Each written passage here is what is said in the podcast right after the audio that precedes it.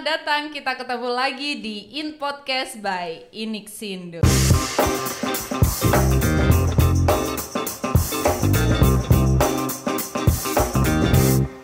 Saya Cindy Permatasari. Minggu ini kita akan membahas topik yang beda lagi dari minggu lalu. Nah, sekarang kita akan membicarakan tentang memberdayakan microservices dengan Docker, Kubernetes, Kafka, dan MongoDB. Tentunya dengan pembicara kita yang nggak lain nggak bukan, perkenalkan instruktur kami, Bapak Hartono. Halo Bapak Hartono. Halo Bu Cindy, apa kabar? Kabar baik juga nih. Pak Hartono apa kabar? Alhamdulillah sehat. Sehat-sehat ya. Ya. Ah, kalau boleh tahu nih, ini aktif di Inixindo sebetulnya ngajar apa sih Pak? Ya, saya lebih banyak untuk mengajar materi-materi yang sifatnya adalah development. Mhm. Ya, eh, saya di awal-awal ngajar Java banyaknya di sana. Oh, programming gitu ya? Programming. Mhm. Seiring dengan itu, saya juga mengajar materi-materi selain dari bahasa pemrograman Java Mhm. seperti Python dan lain sebagainya. Kemudian juga eh, saya mengajar materi-materi yang terkait dengan infrastruktur seperti Hadoop, ya Hadoop, Hmm. kemudian operating system seperti eh, Linux ya, Hmm. umumnya kayak CentOS, Red Hat dan lain sebagainya. Hmm. Terutama sekali di awal-awal saya ngajar di Microsys- Sun Microsystem dengan Solarisnya dan juga IBM dengan AIX-nya. Jadi saya lebih banyak ke Linux atau Unix environment. Oke, Ya. jadi udah hampir seluruh komponen IT nih sebetulnya Pak Hartono ini mencicipi gitu ya, Mencicipi, mencicipi eh, dan juga mendalami. dan juga mendalami. Kecuali satu, Apa tuh? pertama adalah networking. Networking. Saya tidak mendalami di sana. Oke. Kemudian yang kedua operating system khususnya Microsoft. Saya nggak mendalami itu. Termasuk digital kreatif, Hah? desainer gitu Ah, enggak ya? desainer enggak, ya? enggak, Enggak ya? desainer enggak. Beda ranah udah ya. Beda ranah ya. Nah, oke, untuk tema kali ini nih Pak tentang microservices Ya. gitu ya. Sebetulnya sebelum kita nyinggung soal Docker, Kubernetes, Ya. terus Kafka dan MongoDB ini kayaknya banyak banget ya. Terus pertama aja nih buat buat pembukaan, microservices itu apa sih Pak? Ya, terima kasih pertanyaannya Hmm. Bu Cindy. Bu Cindy ini atau Mbak Cindy barangkali ya. Hmm. Mbak Cindy itu menanyakan mengenai apa itu microservices. Ya. Yes. Eh, saya sudah menyiapkan slide ya mungkin ini bisa mewakili pertanyaan yang Mbak Cindy eh, ajukan ya tanyakan. Jadi saya mulai dengan apa itu microservices ya. Pertanyaan adalah sebelum apa itu microservices Kenapa dulu kali ya? Ya kita kenapa dulu? Kenapa Ah, kita kenapa? menggunakan microservice gitu ya? Yang pertama adalah bahwa dengan microservice ini memungkinkan kita untuk mendevelop aplikasi dengan kecepatan yang tinggi. Kenapa? Karena kemampuan suatu perusahaan untuk selalu berada di dalam competitive advantage. Persaingan yang sedemikian banyak dengan perusahaan-perusahaan lain memaksa perusahaan itu harus tetap berkompetensi, mempunyai nilai kompetitif yang lebih tinggi dibanding dengan perusahaan-perusahaan lain. Nah, untuk bisa mencapai competitive advantage dibanding dengan perusahaan-perusahaan yang lain, mau tidak mau perusahaan itu harus melakukan suatu eh, inovasi-inovasi terhadap Development gitu ya. ya development terhadap eh, produk-produk yang akan dia jual kepada masyarakat. Kita tahu bahwa sekarang eh, pandemi ini mempengaruhi perusahaan sehingga mereka mencoba atau berusaha untuk membuat produk-produk yang mereka bangun ya apakah itu produk dalam bentuk barang atau jasa itu bisa diakses oleh customer dengan cara online. Betul ya? Betul, betul. Nah, untuk membuat seperti itu, tentunya paradigm atau tata cara berpikir atau bagaimana perusahaan itu mendevelop atau bagaimana aplikasinya kemudian nanti digunakan oleh customer itu tentunya harus juga berubah. Ya, nggak bisa dengan menggunakan tata cara atau pola yang lama. Lama. Salah satu dari apa yang dimungkinkan atau apa yang kenapa kok suatu perusahaan harus ya memikirkan untuk berpindah kalau dia belum mengarah ke microservice? Atau kalau yang sudah mengarah ke microservice bagaimana dia harus bisa memanfaatkan microservice ini sehingga objektif utama dari perusahaan itu yaitu membuat produknya bisa diakses dengan mudah oleh customer menjadi lebih efektif. gitu. Nah, salah satunya adalah speed, ya. Di mana uh, dulu ya kalau kita membuat suatu model aplikasi nanti ada penjelasan lainnya. Aplikasi yang kita bangun itu selalu melalui proses yang namanya SDLC, Oke. System Hmm, Development gimana? Life Cycle. Cycle. di mana untuk melakukan suatu hasil produk yang kemudian kelak digunakan oleh customer itu membutuhkan proses yang panjang sehingga waktu yang dibutuhkan untuk mendevelopnya itu nggak bisa dalam hitungan yang lebih cepat ya dibanding dengan yang sekarang. Nah microservice itu me- melakukan breakthrough ya me- me- me- me- mengatasi atau mencoba untuk memberikan suatu solusi terhadap problem tersebut. Ya di mana percepatan dalam membuat aplikasi itu menjadi penentu apakah perusahaan itu bisa nggak bersaing, mempunyai competitive advantage ya dibanding dengan perusahaan-perusahaan yang lain. Seperti itu. Nah, microservice memungkinkan dia salah satu karakteristiknya adalah bisa membangun aplikasi dengan cepat, yaitu speed.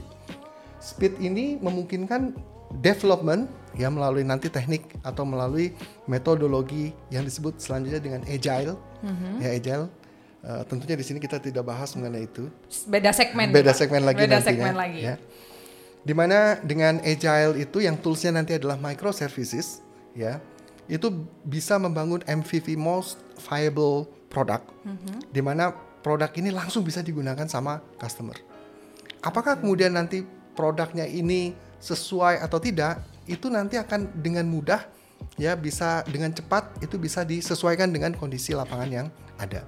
Itu keuntungan kita menggunakan microservice dibanding dengan model pengembangan sebelumnya yang orang kemudian menyebutnya dengan monolith Oke. gitu ya. Jadi ada monolith, ada microservice. Microservice ini adalah eh, eh, apa jawaban terhadap kendala-kendala yang ada di dalam monolith development. Nah, kemudian di sini kalau ada perubahan-perubahan kita lihat yang kedua adalah change ya dengan mudah kita bisa melakukan iterasi terhadap perubahan-perubahan itu sesuai atau eh, berdasarkan kebutuhan dari market gitu ya. Kita lihat contohnya misalnya produk eh, kita sebut aja produknya nggak apa-apa ya. Kayak apa-apa. Gojek misalnya eh, kita lihat dulu waktu pertama itu hanya ada Go Ride sama Go apa? Gokar. Gokar. Kemudian sekarang bertambah Ada tuh Go Clean, Go- ah, ada macem-macem. GoFood, Iya, macam-macam, macam-macam. yang kemudian menjadi pembeda atau dia mempunyai competitive advantage dibanding dengan yang lainnya. Dan kemudian yang lainnya mengikuti itu lagi, mengikuti uh, inovasi terhadap apa yang dibuat sama Gojek misalnya. Tetapi Gojek bisa lagi mengembangkan yang lainnya. Jadi suatu perusahaan atau suatu industri atau suatu entitas jika dia dengan cepat beradaptasi dengan kemauan market, maka dia akan lebih cepat diterima oleh marketnya itu sendiri. Betul. Sehingga apa? Sehingga dia bisa menjadi atau tetap eksis. Kalau dia tidak mau berubah, eh saya nggak tahu ya. Kayaknya sih peluangnya untuk kemudian dia kalah gitu ya. Kemudian Lebih dia cepat gitu ya Pak ya. itu sangat besar terjadi. Dan kita lihat ada banyak di sini. Contoh kayak misalnya BlackBerry. Ya siapa sekarang yang pakai BlackBerry? Nokia. ya. Terdisrupsi dia ya. Nah, ter terdisrupt. Ya, kemudian ini yang kita bicarakan ada disruption Ya. teknologi, gitu ya. Siapa yang tidak bisa beradaptasi terhadap kebutuhan market, maka dia akan ditinggalkan oleh si market Customer. tersebut. Betul. Ya, Oke. Betul. Nah, kemudian yang ketiga juga memudahkan kita untuk memaintain, jadi mendekatkan antara si product ownernya, ya product owner dengan si development, yang kemudian nanti kita menyebutnya dengan istilah DevOps, gitu ya. DevOps, ya. Dan kemudian memungkinkan kita untuk melakukan scaling, ya scaling. eh, kita tahu ada banyak teknologi scaling di sini, bisa scale up, ya. Tapi memungkinkan kita menggunakan teknologi yang murah meriah untuk melakukan scaling secara horizontal. Ya nanti dengan teknologi-teknologi ada Kubernetes dan lain sebagainya yang akan kita bahas di sana. Dan kemudian di sini untuk mendevelop suatu application itu dibangun suatu eh, apa namanya ya tim ya eh, memungkinkan kita untuk eh, mem-create tim yang lebih agile ya dengan agile. Nah itu nanti di dalam metodologinya sistemnya ada framework yang disebut dengan agile metodologi. Oke, poinnya nih Pak, yang saya Ya, tangkap di di beberapa penjelasan Pak Hartono ini, berarti eh, agile dan DevOps ini bagian dari microservices. Ehm, lebih tepatnya DevOps dan Agile itu bisa diimplementasikan dengan DevOps. Eh dengan apa? Nah, dengan Microsoft microservices. Services. Betul. Oke. Kalau kita ngomong development atau kita paling gampang produk digital ya Pak ya. Contohnya Gojek, Grab dan lain-lain Ya, gitu ya, ya. e-commerce gitu ya. Oke. Nah, penerapannya ini kan ada beberapa medium seperti kita bisa terapkan di web atau Ya. kita terapkan di Android. Ya. Microservices ini bisa diterapkan di segala medium itu gitu. Pada prinsipnya microservice itu adalah mendistribusikan atau men-split istilahnya, memisahkan suatu model aplikasi yang komponen atau modul atau fungsinya ada banyak di dalam satu tempat yang sama. Microservice itu memecah dia, Oke. memecah dia. Sebagai contoh sederhananya adalah eh, pada saat kita menggunakan Google, eh sorry, pada saat kita menggunakan Gojek, di mana kita eh, menentukan titik jemput atau arah yang mau kita tuju, Yes. di situ menggunakan suatu services yang disebut dengan map.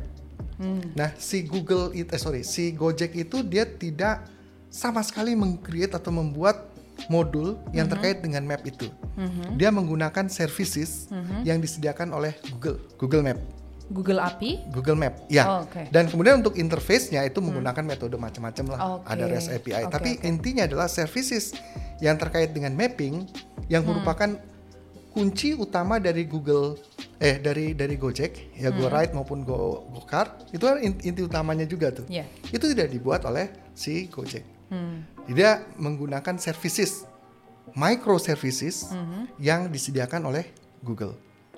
Oke, jadi itu ya poinnya yang biar bikin dia speednya Ah, speednya. dalam development itu lebih cepat lebih tentunya. cepat ya. Oh, kita tidak oke. meng- tidak misalnya bayangkan kalau misalnya Gojek mikirin bukan nggak hardcore dari awal lagi nah, gitu dari ya. awal. Oke, Dia menggunakan uh, services-services yang sudah disediakan oleh perusahaan-perusahaan lain. Tapi Hmm. nggak mesti harus dari perusahaan lain. Kita bisa ngebangun suatu services yang yang dibentuk Hmm. yang masing-masing services itu menyediakan services yang spesifik. Hmm. Misalnya untuk order, kalau misalnya dalam uh, nanti saya akan lihat gambarnya. Hmm. Untuk order adalah services sendiri, untuk uh, untuk apa? Untuk order customer services sendiri dan seterusnya. Itu yang akan dimanfaatkan oleh berbagai divisi development itu tadi ya Pak ya. Ya, mereka akan meng-create suatu agile team, Mhm. ya agile team yang fokus hanya kepada satu services. Oh, I see. Dan kalau kita lihat misalnya di Google, tim yang nge-develop map, Google Map, Mhm. itu pasti dia bukan barangkali, maksudnya bukan pasti. Artinya dia concern terhadap development di Google Map-nya. Mhm. Sementara yang di YouTube itu adalah tim sendiri lagi yang concern terhadap YouTube. Mereka spesifik Mereka dari fitur spesifik, itu, ya, ya. ya. Oke. Lalu ada penjelasan lagi tentang microservices ini Pak. Nah itu kenapa kita menggunakan microservice? Hmm, Apa 1, 2, 3, 4, 5 ini ya ada speed, change, maintain, scale, dan Empower. empower. Itu yang membuat si microservice ini membuat orang, membuat perusahaan atau entity Hmm. yang menggunakan microservice ini tetap ada di dalam competitive advantage. Hmm, betul. Seperti itu. Tinggal lagi pertanyaannya kalau perusahaan yang lainnya lagi menggunakan hal yang sama, Hmm. tinggal bicara mengenai services apa yang akan lebih baik diutarakan. Tapi tetap metodologi yang kita gunakan adalah microservices. Services. Ya. Sebetulnya ini memang meningkatkan eh, dari Daya sisi daya saing pertama kan dari segi customer kita ngelihat cepet update-nya nih nih nih aplikasi gitu Ya. sesimpel itu kita nge- dari itu di belakangnya kita menggunakan development yang menggunakan microservices Ya. microservices Betul, ini ya, gitu betul. ya. Ya. Oke, ini untuk apa dan kenapa? Lalu di judul kita juga singgung, Pak, mengenai Docker, Kubernetes, Oke. Kafka dan MongoDB. Ya. Percilan-percilan ini ini apa sih, Pak sebetulnya? Dan eh, kenapa bisa pacaran sama microservices gitu? Ya. Gitu. Oke. Microservice itu adalah metodologi, Oke. yaitu metode atau tata cara untuk bagaimana kita mengembangkan suatu aplikasi. Teknik-tekniknya, cara-caranya itu dijelaskan di dalam microservice. Nah, untuk implementasinya, teknologi apa yang digunakan? Ya, itu dibahas di yang tadi Mbak Cindy tanyakan. Ada di dalam Docker, Kubernetes, kemudian Kafka dan MongoDB. Itu adalah implementasi teknologi yang memungkinkan kita mengimplementasikan eh, konsep-konsep yang ada di dalam microservice. Oke. Oke. Poin pertama, Ya. kita bahas Docker dulu mungkin, Pak. Oke, saya ada di sini Hmm. eh, gambarannya. Ya, oh saya boleh cerita nggak nih? Boleh boleh, silakan Ya. silakan. Jadi eh, sejarah dari kenapa kok microservice kemudian menjadi eh, hal yang menjadi concern terhadap entitas untuk supaya dia bisa eh, menjadi atau membuat competitive advantage dibanding dengan perusahaan yang lain. Ini ada tahun 1990 ya dan tahun sebelumnya dulu kita meng-create suatu application yang semua modul-modul dan functionnya itu dijadikan satu Mhm. yang kemudian mereka atau kita menyebutnya sebagai dengan monolithic application. Hmm. Kalau ada salah satu perubahan di dalam modul itu, maka application itu harus di-compile semua, ya kemudian baru di deploy atau di deliver ke application sehingga perubahan itu bisa digunakan oleh orang yang menginginkannya. Oke. Oke, nah itu kelemahan dari sistem model Monolithic. dari monolithic. Oke. Setiap ada perubahan itu akan mempengaruhi eh, proses dari merubahnya itu, yang membutuhkan waktu yang lebih. Lama lama. lagi. Iya. Dan kemudian untuk membangun itu setiap modul yang akan digunakan, jadi saya sebagai orang yang membuat modul order misalnya, Hmm. saya harus tahu bagaimana struktur atau aplikasi atau modul yang dibangun oleh tim yang ngedevelop customer misalnya. Hmm. Mereka tight coupling, mereka saling tergantung, mereka tidak bisa terpisah, ya. Nah itu disebut dengan tight coupling dan cross team. Orang yang ngedevelop modul customer itu harus tahu betul apa-apa yang dikerjakan oleh orang yang membuat modul order. Demikian sebaliknya, orang-orang yang mendevelop aplikasi order harus memahami betul apa yang dilakukan oleh aplika orang-orang yang membuat aplikasi customer. Kalau salah satu itu saja mereka nggak mengerti, maka mereka tidak akan bisa berkomunikasi. Ya, nah itu tight coupling.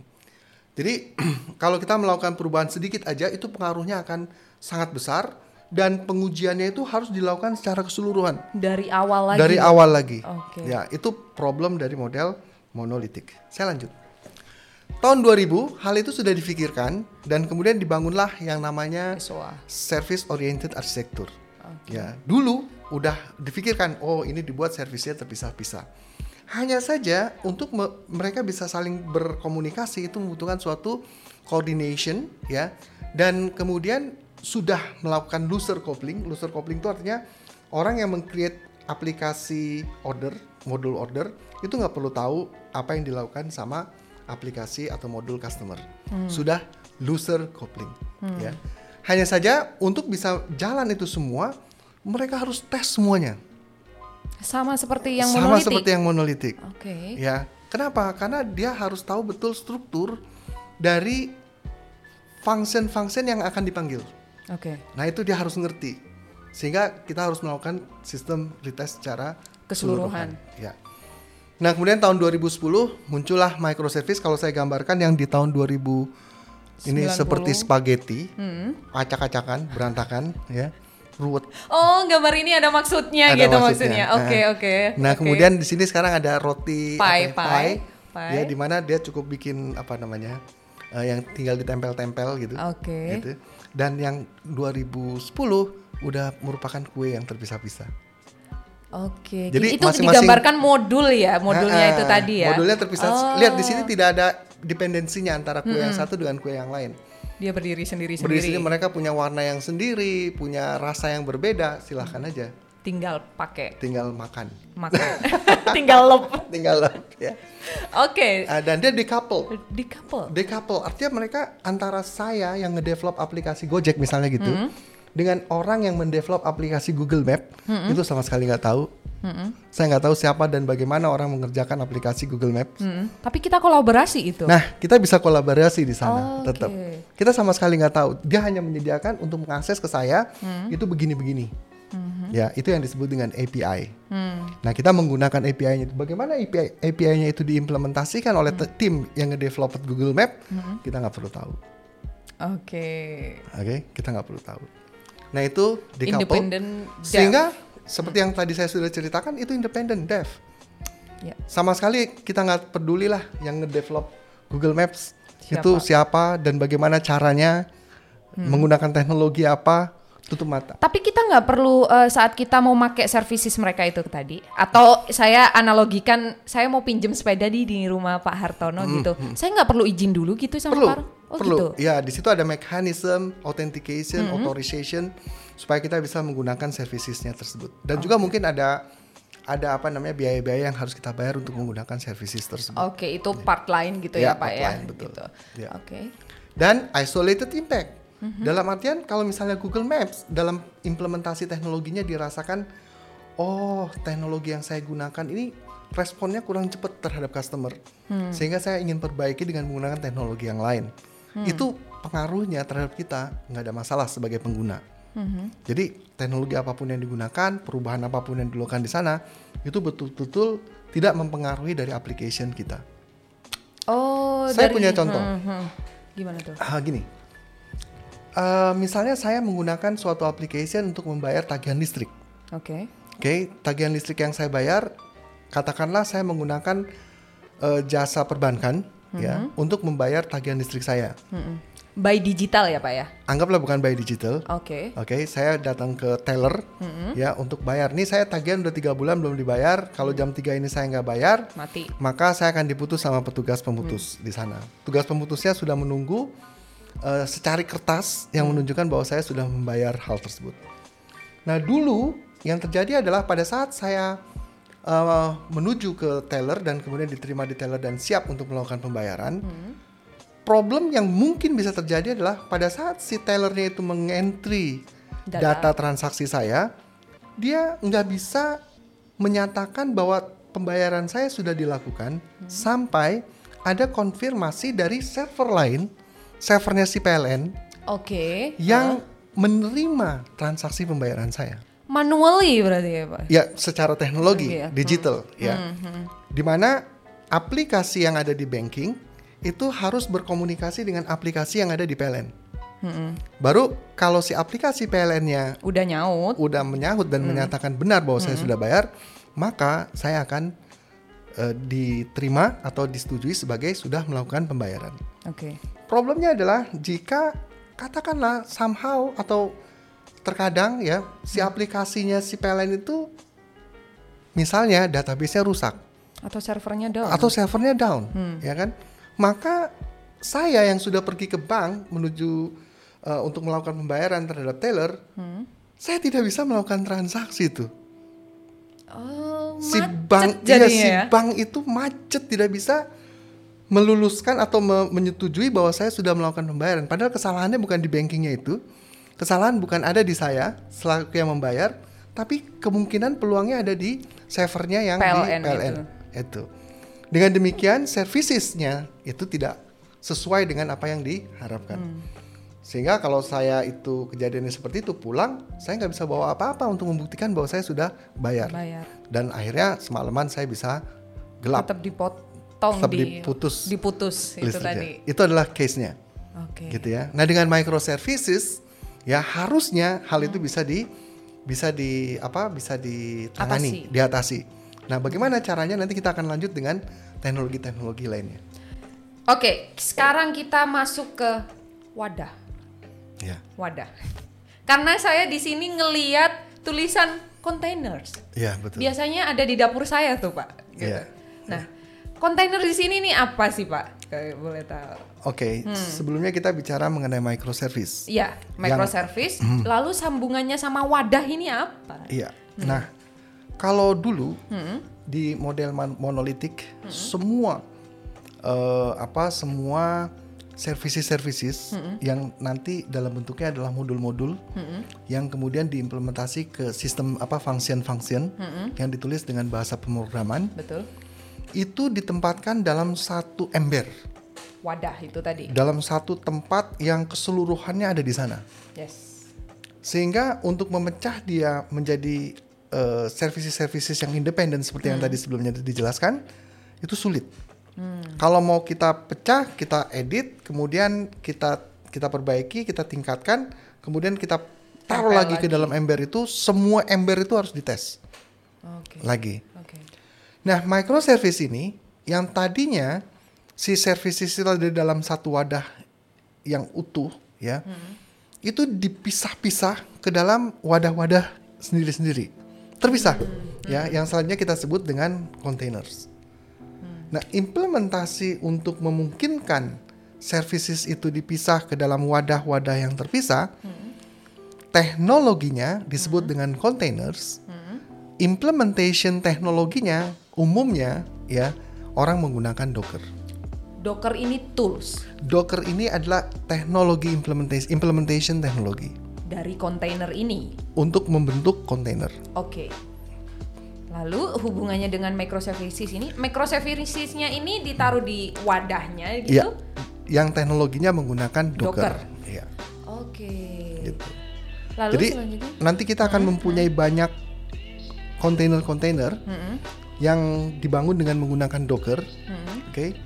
Di mana masing-masing kontainer itu mewakili services. Jadi kalau misalnya tadi kita cerita ada services order, kemudian ada services customer, itu ada di dalam kontainer yang terpisah. Oke, jadi kita kalau mau pakai si wadahnya ini atau kontainernya ini, nah, ibaratnya saya mau ini saya analogikan dengan mudah ya pak ya. Saya di dapur saya punya beberapa kontainer, kontainer A ini untuk buat cupcake mungkin, kontainer B untuk buat rawon gitu. Iya. Kalau saya butuh saya tinggal ngambil kontainernya ini, Iya. bukan per part dari Iya. kontainernya itu ya Iya, pak, betul iya, ya? Iya. gitu. Lalu selanjutnya kontainer Docker lalu ada Kubernetes. Ya. Kubernetes ini apa lagi nih Pak? Kontainer juga kah? Eh, gini, Hmm. pada saat servicesnya itu sudah disimpan ke dalam wadah, Mhm. ya, masing-masing services itu dia sama sekali nggak ngerti ada service apa selain dari dirinya. Sendirian itu Sendirian tadi, itu tadi, independen. independen. Artinya order dia nggak ngerti eh, di mana sih ada eh, services customer. Dia nggak ngerti sama sekali. Hmm. Padahal satu kontainer. Padahal enggak, mereka ada di kontainer yang berbeda. Oke, oke. Karena mereka kontainernya berbeda, maka si dirinya sendiri itu nggak ngerti di mana sih uh, kontainer untuk aplikasi atau services customer berada. Dia nggak ngerti. Hmm. Nah, koordinasi Hmm. bagaimana antara satu service dengan service yang lain bisa saling berkomunikasi. Apabila yang satu servisnya itu kemudian mati, kemudian di di apa namanya dihidupkan kembali. Nah itu disebut dengan orchestration, ya. Nah orchestration itu bertanggung jawab bahwa semua servisnya itu ya bisa diakses, bisa memberikan layanan yang diinginkan. Ya, jadi kalau misalnya ada services yang mati, ya mbok diganti dengan services yang lain Ada backup. ada backupnya.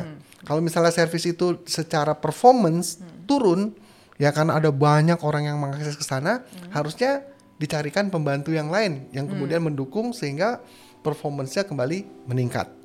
Nah, itu adalah tugas dari Kubernetes. Kubernetes itu menjamin bahwa semua servicenya itu bisa diakses dan memenuhi dari performance yang diinginkan Oke, jadi itu salah- Kubernetes si si orchestration si orchestration yang nanti teknologinya uh, selanjutnya disebut atau kita menggunakan teknologi Kubernetes. Kubernetes. Apakah hanya Kubernetes? Banyak. Ya, bukan Apakah hanya cuma Docker? apakah cuma Docker? Bukan, banyak. Tapi umumnya yang sering kita gunakan adalah artinya yang mempunyai top reviewer Hmm. atau pengguna yang paling banyak itu adalah Docker sama Kubernetes. Docker dan Kubernetes ya. Oke. Docker dan Kubernetes. Jadi sebetulnya eh, setelah kita naruh wadah-wadah atau microservices itu kecil-kecil dalam kontainer, Eh? mereka ini nggak bisa komunikasi ya pak ya, Eh, nggak bisa auto integrate gitu kalau nggak ada Kubernetes, ya, gitu. Jadi Kubernetes itu yang meng mengorchestrate, orchestrate itu mensinergikan ya Hmm, services servicesnya itu sehingga si servisnya itu bisa memberikan layanan yang sesuai dengan yang kita inginkan. Oke. Nah itu dalam lingkup satu kontainer ya pak, ya. Banyak kontainer nanti kalau di Kubernetes. Oke, jadi kalau Kubernetes ini bisa komunikasi antar kontainer, kontainer, kontainer, kontainer. Bukan, si kontainernya itu nanti komunikasi dengan dengan kontainer yang lain dengan bantuan si Kubernetes, Kubernetes. ya menghubungkannya tetap dengan Kubernetes Iya. itu tadi. Ya. Oke, itu Kubernetes dan Docker sudah cukup jelas ya untuk teman-teman semua. Nah ini saya juga baru banget nih Pak dengar nih Oke. soal Kafka. Saya sebelumnya agak asing nih tentang Kafka nih Pak. Ya, ya, ya. Ini gimana soal Kafka? Jadi gini, eh, kita masuk lebih dalam ke bagaimana antar service yang ada di dalam kontainer Oke. itu saling berkomunikasi. Antar service. Oke. Antar kontainer dengan kontainer Mm-mm. itu saling berkomunikasi. Mhm. Contoh misalnya, saya membuat order, membeli barang misalnya ya, barangnya ada di dalam dicatat di dalam order, kemudian item dari barang yang saya beli itu dicatat di dalam yang namanya order item. Oke. Di mana setelah saya komit terhadap pembayaran itu, didapatlah suatu value, suatu nilai yang harus saya bayar, kan gitu ya. Nah, anggaplah aplikasinya pembayarannya itu bisa dididak dari kredit yang saya punya, Yes. gitu ya. Nah, di mana kredit yang saya punya itu disimpan di dalam services customer. Berarti pada saat order itu selesai dibayar, selesai di, di, tri- disetujui, maka dia harus mengurangi balance dari si customernya. Oke. Berarti dia harus ngomong sama services customer. Si order ini bilang, "Ha- saya sudah mencatat keseluruhan order dan saya harus mengurangi balance dari customer tersebut. Customer tersebut. Maka dia akan berkomunikasi dengan services yang berbeda, Oke. yaitu services customer. Dan dia akan mengurangi balance dari si cus- customer yang bersangkutan. Nah, komunikasi keduanya ini ya umumnya menggunakan REST API.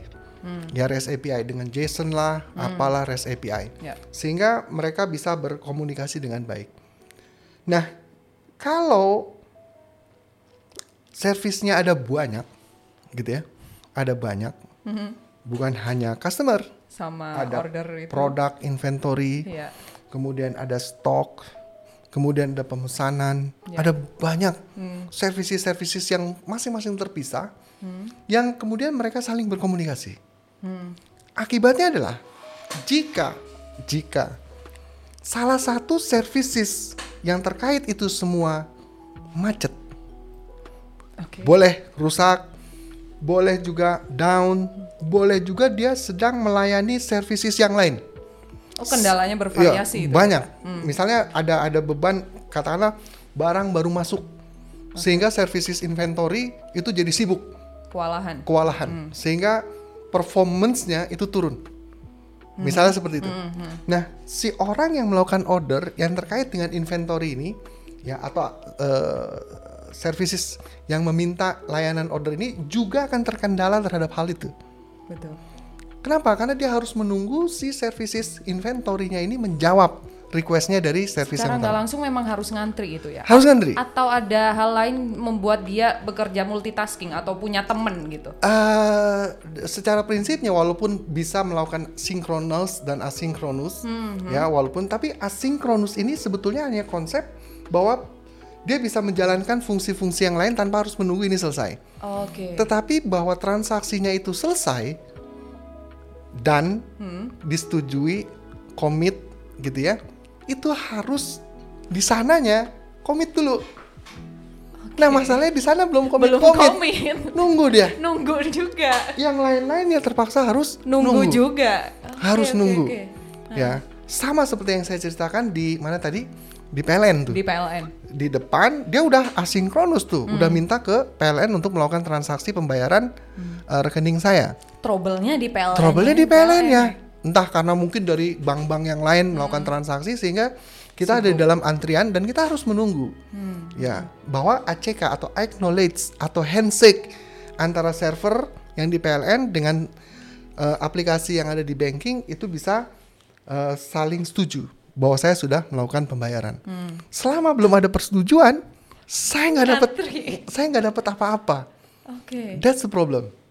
Itu bisa bikin kesel dari customernya itu. Iya, customer walaupun sudah menggunakan asing. Iya. Asing itu Ya. hanya bilang bahwa oh saya bisa transaksi dengan dia, tapi selama si aplikasi itu belum belum menyatakan bahwa Terkomit. komit bahwa Nggak saya sudah melakukan pembayaran, maka di depan kita tidak bisa bilang atau menutup transaksi itu selesai, nggak bisa. Oke. oke. Dia hanya bisa menunggu aja sebetulnya. That's the problem dari uh, model REST API. Hmm, hmm. Nah, kemudian eh, muncullah teknologi messaging, ya messaging.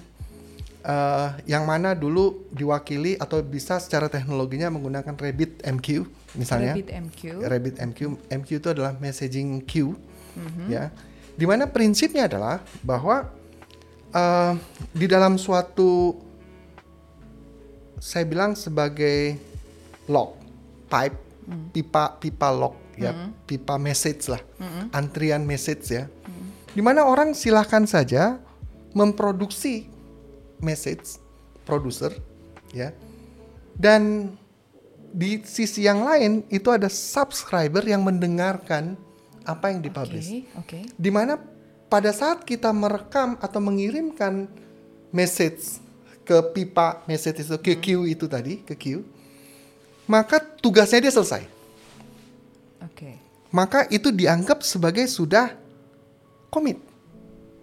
Oh, tanpa harus confirm dulu ke publishernya itu. sama si subscriber- subscribernya. Subscribernya itu. ya. Oke, jadi nggak perlu ngantri lagi nggak perlu. Oke. antriannya sudah dibangun di dalam si Pipe-nya itu pipe-nya tadi. Oh. itu si si messaging queue-nya itu. nah terlepas dari nanti dia baru hidup ya kita sebagai publishernya itu tadi nggak perlu nunggu.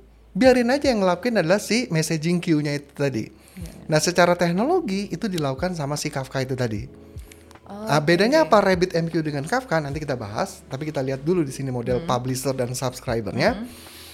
Di mana si publishernya itu dia hanya mengirimkan contoh dengan order dan customer tadi. Si order tuh cuma bilang saya mau mendidak mengurangi balance-nya customer, Ya. ya kan? Ya. Dia lepas. Sampai di titik ini selesai.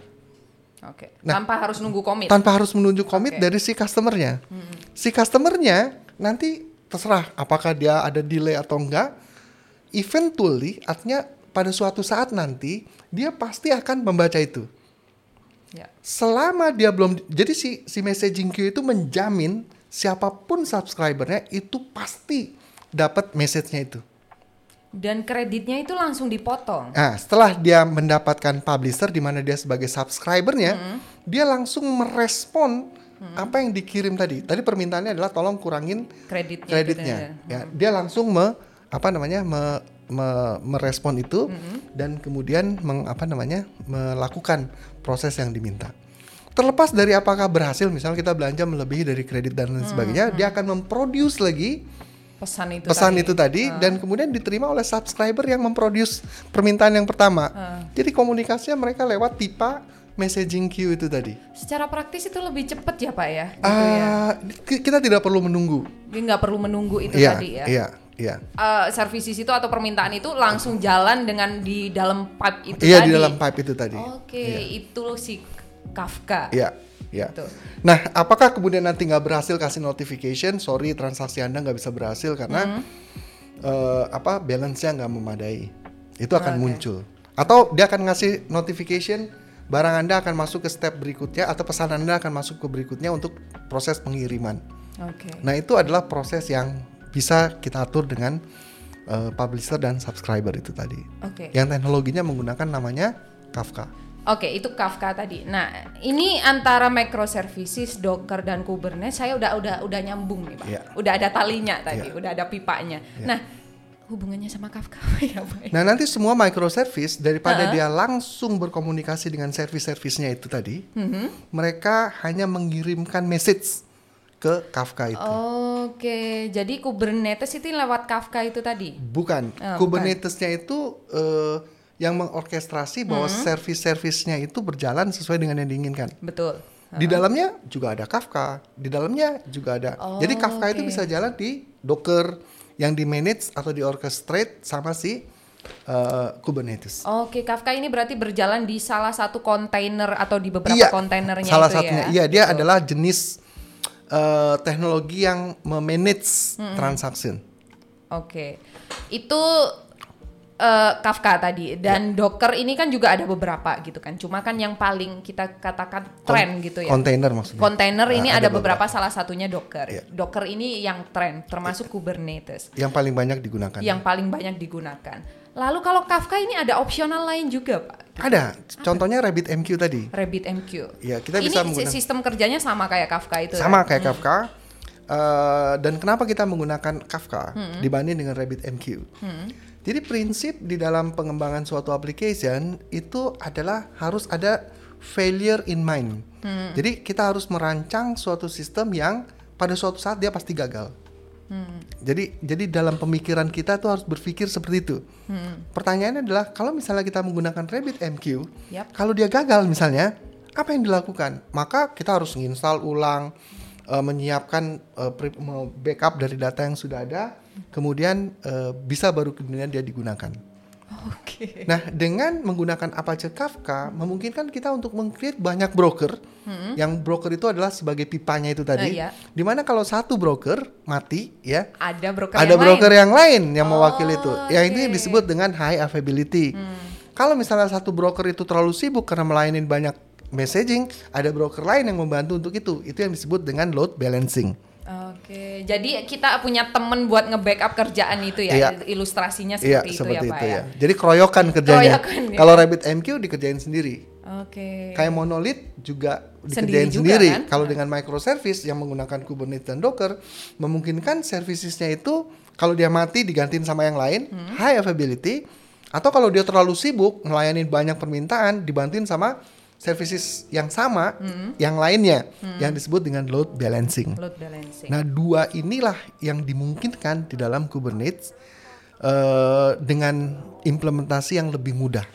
Gitu. Betul.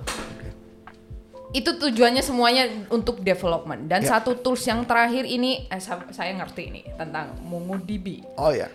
DB, database sih, Iya, betul. betul ya Pak ya. Iya, iya. Nah, sebelum saya tanya lebih lanjut tentang MongoDB, Hmm. kenapa kita nggak pakai DB-DB yang lain? Kenapa harus Mongo, Bapak? Ya, eh, pertama adalah MongoDB kalau kita lihat di presentasinya, Hmm. ya ini saya cerita mengenai MongoDB. Ada di sini mana ya MongoDB ya?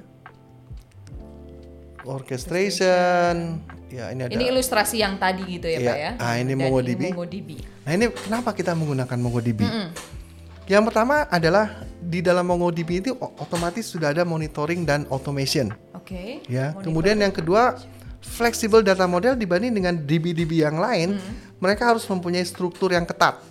Ada table, ada ada atribut fieldnya, tipenya apa dan lain sebagainya. Bukannya DB yang lain juga seperti itu, Pak? Ya begitu. MongoDB ini enggak. Oh, ya. Oke, oke. MongoDB enggak dia bisa flexible data model yang orang menyebutnya sebagai dengan kalau yang dulu yang biasa itu adalah RDBMS Yap. Relational Database Management System yang untuk mengakses informasinya menggunakan SQL. Iya, betul. Nah, ini namanya adalah NoSQL. NoSQL. Ya, n- orang menyebutnya NoSQL itu adalah apa ya?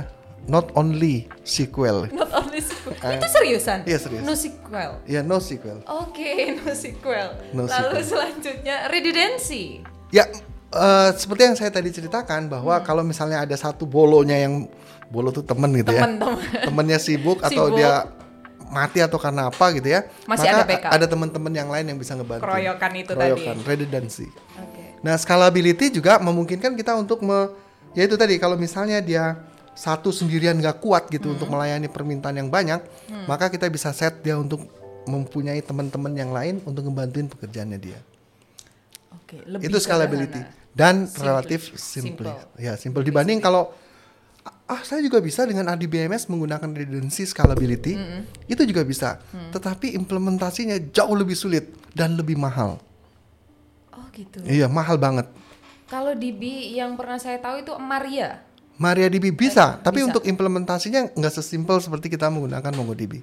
Intinya dari dari MongoDB ini yang paling sederhana untuk diimplementasikan bersama Docker, Kubernetes dan Kafka gitu ya, Pak ya. Kira-kira begitu. Untuk kita menggunakan DB-DB yang lain bisa sebetulnya, iya. cuma mungkin ada kompleks Iya. ya untuk penerapannya itu tadi Iya, gitu iya, ya. Nah, ini dari Docker, Kubernetes, Kafka dan MongoDB. Mungkin eh, biar bisa nyambungin ini semua nih, Pak. Saya boleh dikasih satu analogi atau ilustrasi yang sederhana gitu tentang empat tools ini gitu, biar teman-teman yang awam nih kira-kira saya pengen belajar microservices nih, Pak. Hmm. Apa sih yang pertama kali yang harus saya punya nih gitu. Oh. Gitu. Ya pertama tentunya adalah Asumsinya saya adalah programmer atau tim development yang yang masih pakai cara lama gitu, Ya. Pak. Cara cara cara cara old school gitu. ya. Oke. Eh, Hmm. kembali Ada tips ke dan trik. ya. yang pertama tadi Yes. bahwa eh, kita ada di dalam era disruptif Ya. Ya. Ya, ya. di mana perusahaan itu eh, dia tidak akan bisa eksis ya kalau tidak mempunyai competitive advantage. Ya. di mana percepatan dan lain sebagainya di awal tadi saya sudah jelaskan. Dan pilihannya adalah dia bisa mendevelop suatu application yang sifatnya monolitik atau microservices. Ya nah kalau kita bicara tadi di awal saya udah uraikan rasanya teman-teman yang akan menggunakan monolitik dia tidak akan bisa eksis kalau dia tidak monopoli itu ya kan nggak ada lagi orang yang lain yang bisa memberikan layanan dan dia sendiri. Nah itu terserah mau menggunakan monolitik atau apa terserah. Tapi kalau kita masuk di era keterbukaan saat ini rasanya pilihannya nggak mungkin. Dia menggunakan monolitik. Sesimpel- harus pindah ke microservices dengan Sesimpel kita kalah cepet nanti ya Pak ya. Eh. dengan dengan kompetitif kompetitif yang lain itu atau tim development yang lain gitu. bukan kalah cepat, tapi kita tidak bisa memberikan services sesuai dengan kebutuhan si marketnya. Oke. Jadi kalau orang udah nggak sesuai dengan kebutuhan marketnya, pasti dia akan ditinggalkan, Nggak dilirik lagi nggak dong. dilirik lagi. Oke. Kira-kira kecuali monopoli. Kalau monopoli apa boleh buat gitu ya. Jadi marketnya terpaksa beli kayak padahal nggak sesuai gitu. Mau nggak mau. mau nggak mau ya. Tapi kalau open ya ada banyak services yang sama memberikan layanan, maka competitive advantage itu menjadi sesuatu key highlight ya. Salah satu requirement khusus gitu Iya. ya, terutama di musim yang disruptif seperti Ah, ini gitu betul, ya. betul. Gitu, semuanya serba e e e. Ya, e, Jadi gitu. jawabannya adalah ini adalah untuk menjawab tantangan disruptif Hmm. itu tadi. Microservices.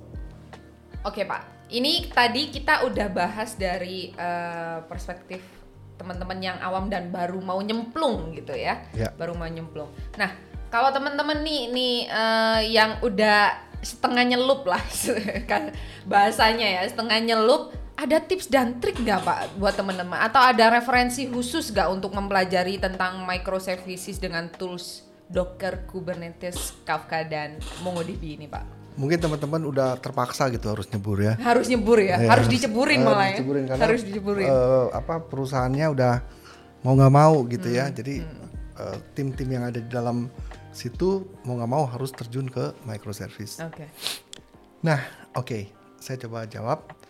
Pertanyaan bahas ini ini mudah banget jawabnya.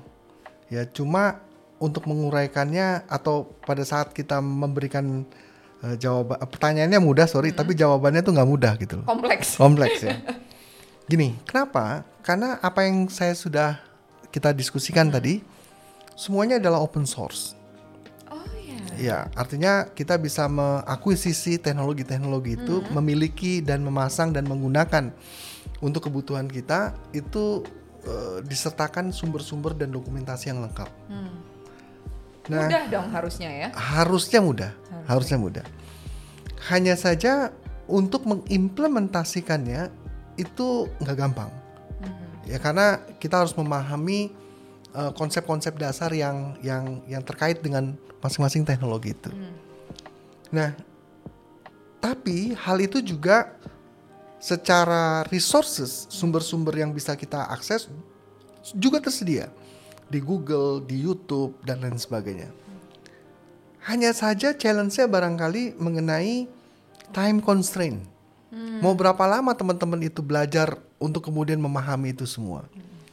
Nah kebetulan di Nixindo ya eh, kita memang concern ke sana dan kita punya banyak pengalaman yang terkait dengan hal tersebut dari awal ya dari awal kita ngikutin terus sehingga Inixindo bisa menjadi katalis ya memungkinkan teman-teman kalau ingin belajar lebih cepat ya mengenai hal itu semua dan mengimplementasikan di perusahaan itu karena kita mengerti best practice-nya mereka nggak perlu try and error Oke, langsung Gitu. coba best practice-nya itu tadi. Ah, ah, ya. best Oke. practice dengan sampel-sampel uh, use case yang sudah Hmm. kita siapkan ya sehingga mereka harusnya bisa lebih cepat lagi Untuk mengimplement menerapkan ah, menerapkannya itu di perusahaannya. Dan mereka juga kita welcome kalau misalnya ada pertanyaan terkait spesifik dengan dengan dengan implementasi di perusahaannya, kita bisa bantu.